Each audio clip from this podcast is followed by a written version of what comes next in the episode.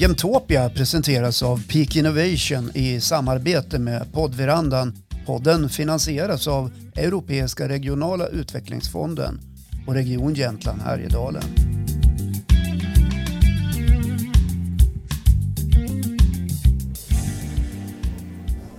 I'm so happy to have you here, Gulfem Toigar from. Amazon Sweden. Thank you. What what is your correct title for Amazon? I'm the country manager of Amazon Sweden. Oh, so the, you're the head of everything in Sweden.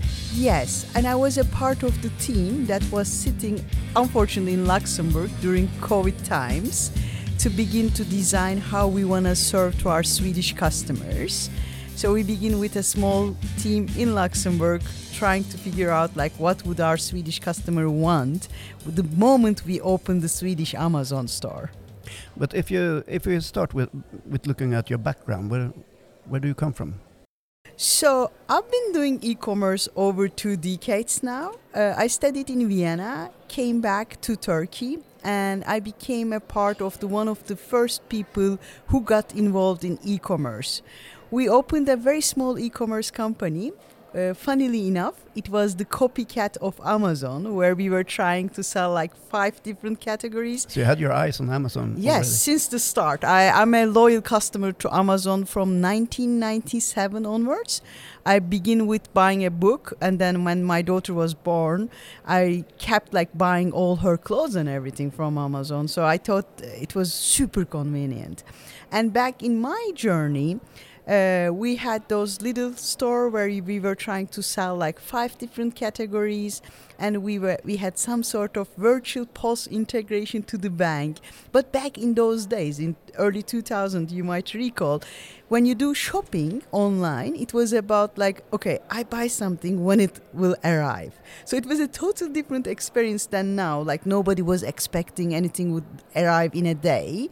It was more like will it arrive? So i came from that level of starting up in terms of e-commerce. And since then uh, i did open three businesses for otto um, that they were focused to private shopping business, a marketplace, and a B2C logistics company, which is interesting because around 2010, logistics companies were a bit far away for delivering to the end user small packages. Everyone was really good having those big items delivered right time and everything, but you know dealing with the end user was a different story. So the, the smaller uh, package, but were more difficult to deliver for the. Yes, it's a different model for the uh, for those companies back then. Now it's very normal; everyone does it. So I was a part of that also. So for Otto, we opened a company that focused to B2C logistics. After that, I moved to eBay. Uh, and I was responsible for eBay Turkey to start with, and then I became the COO of eBay Germany. And my last position with eBay was I was uh, responsible for marketplace based in Zurich. And then my dream came true. Amazon had interest in me in me and said like, "Hey, would you be interested in joining?" And the project was amazing because it was about Sweden, and I had never had any interaction with Swedish customers. So I knew EU5. I did some sort of e-commerce. I was able to understand and so, and this Sweden thought made me really excited. And then we moved with the family one and a half years ago to Stockholm. Uh, we really loved Stockholm. It's it's it's great city, and all, overall Sweden is also super nice. The only tricky thing as as a Mediterranean for me is the darkness uh, that is between. November, October until end of Feb. But now like I'm super happy because now there's like lots of light and everything. Yeah, we love it. Uh, so if you look up on uh, Amazon, how uh, how do you think it has uh, established is in Sweden? I think we are doing a good progress. So do you have a good development? Yes, very good. Uh, basically, Swedish customer. Uh, so to begin with, Sweden is e-commerce wise in a very good place. Like when I first read, I realized that 90% of Swedish people are buying online. And uh, like when I look like the payment options here in Sweden, how much internet is used, it is impressive. So I knew that it would be a, a high level of start also for us because the Swedish customers know how they want to shop. Is there a difference between a Swedish customer and a customer from US or England? In or- my opinion, Germany? yes. I think like even if, if we can take even one step back as a customer, even Håkan, you are different every day. Yeah. Let me tell you how. So when you are trying to buy something for yourself, you can be more patient and you can look for deals, take your time. Let's say, but when you are trying to buy someone you love who wants something, you can act like a very different type of a customer who would just go buy and like be more generous, maybe even. So within ourselves, even as customers, we differ, but then there are also things that are different to the locations. When I look to Sweden specific, what I was very surprised was like how Swedish people use pickup points. So in my life, I lived all over the world. I have never went to a pickup point to go and pick up my item. When we launched Sweden, uh, it was not like the Amazon Sweden was not delivering to my house. I needed to go in my area to a little shop, wait with other people to pick up my package, and I had to carry it home, which was very unique. And then I realized in Sweden, Swedish people close to 80% choose to have their items from pickup points. Whereas if you look to that, it is like in, in other European countries, Italy, Germany, and so it's below 5%. So there's a huge difference in that, uh, in that way. And you might know we launched Prime. Uh, in Amazon, and Prime is a free fast home delivery service. And I was To the door? To the door, Okay. yeah, to the, your house. And I was thinking, like, oh, will the Swedish people like it or not? Because, you know, they, they love the pickup points. And so far, it's working amazingly well. So then I'm thinking also, maybe it's also about convenience. Like, if Swedish people, it's if it's convenient for, for you to have that day, that package in your doorstep, then you should be able to choose it. But if you prefer to have that package in a pickup point, that's also good. And then you should be able to choose it. Yeah, so, well, in the pickup point, you uh, you can buy some milk and bread and stuff. yes, and there's because the pickup points are often nearby stores and Yes, and also courts. the people that run those pickup points, they are super nice. And so, I'm, I mean, sometimes in Sweden, I feel also like a bit lonely. So, when you go to a pickup point and uh, chat with the person, that's also nice. So, but I think what, what I'm trying to say is, as Sweden, as Amazon Sweden, we're listening to our customers and we are trying to understand the unique needs of the Swedish customers so that we can keep improving our services for them. So the future for Amazon uh, about delivery is it, is it the Prime section? Yes, Prime is a very important one with, because with Prime you can have very fast delivery. Like I live in Stockholm, eight kilometers away from the city center. If I order a product that is Prime eligible before 10 o'clock, then I receive the product uh, at night before I'm back home. So it's super convenient also uh, and very fast delivery. Yeah, but uh, isn't it hard to to keep it up? To keep it up, uh, that delivery. Yes, I mean because but we are What working does it take? we, we are working with amazing partners. We are working with PostNord, Airmee, and Bring, and they they have this very great schedule where they make sure that whatever our customer need is, that uh, they deliver. Um, so yes, it's hard work, but we have amazing partners. Uh, if you look up uh, on Amazon and uh, the- the world trade, uh, how does uh, how does the world trade affect Amazon? It's I think the world the current situation of the world has affected every single one of us and Amazon uh, is as a place that serves to the customers. So if you think backwards from the customers, how are the customers being affected with whatever is happening with the world? In with inflation, I know like in Sweden our currency is has depreciated a, a little bit. So these type of things are like making the customer behave in a different way. And that also affects amazon and how we do the trade. So we we're watching like what our customers needs are. Now we are very much focused to selection. In amazon sweden we have 450 million items to make sure that as a customer when you come you can really find whatever you need uh, and also there are different prices of them so i think this is our way of like helping with the trade of bringing different selection very comp- very good prices and also fast delivery when needed But could a, a low cost economy could that boost Amazon? Yeah, it's. I think like as customers now, how we behave is also being affected with the with our environment. So I think in that sense, like when COVID happened, you see how it has positively affected internet shopping because we were unable to go from houses. And I think now with the current situation of the economy, again, both internet but retail will come up with the right models where we can serve to our customers new new needs. But our behavior, uh, if you're talking about the pandemic, uh, got boosted. yeah. The- It got boosted because, uh, like in We had to change very fast. I think so because uh, and it also affected the e-commerce companies because all of a sudden you have much more demand. You have to make sure that you have the items. Do you remember there was like this crisis with chips in uh, in Asia? So it, some products were harder to find. So everything changed. And in these times, the companies who were agile enough to hear their customers to understand like what is needed and act accordingly has worked very well so.